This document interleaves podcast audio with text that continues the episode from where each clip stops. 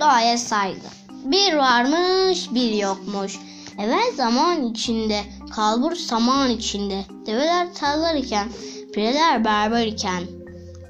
Ayşe bir gün anne ve babasına pikniğe gidebilir miyiz diye sormuş. Babası da ağabeylerine pikniğe gitmek istiyor musunuz diye sormuş. Ayşe'nin ağabeyleri bizim de canımız sıkıldı baba gitsek çok güzel olur dediler. Annesi hazırlık yapmaya başladı. Sonra hep beraber pikniğe gittiler.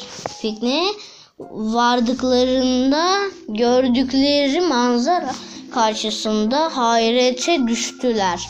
Ormanlık ve derenin her yerinde çöp vardı. Ailecek çok üzüldüler. Ayşe ve ağabeylerinin aklına bir fikir gelmişti.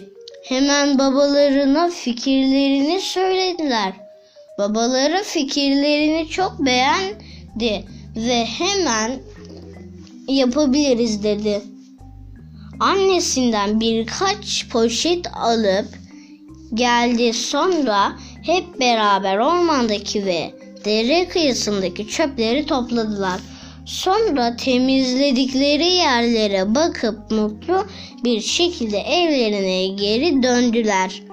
Babalarını ve anneleri onlarla gurur duydular.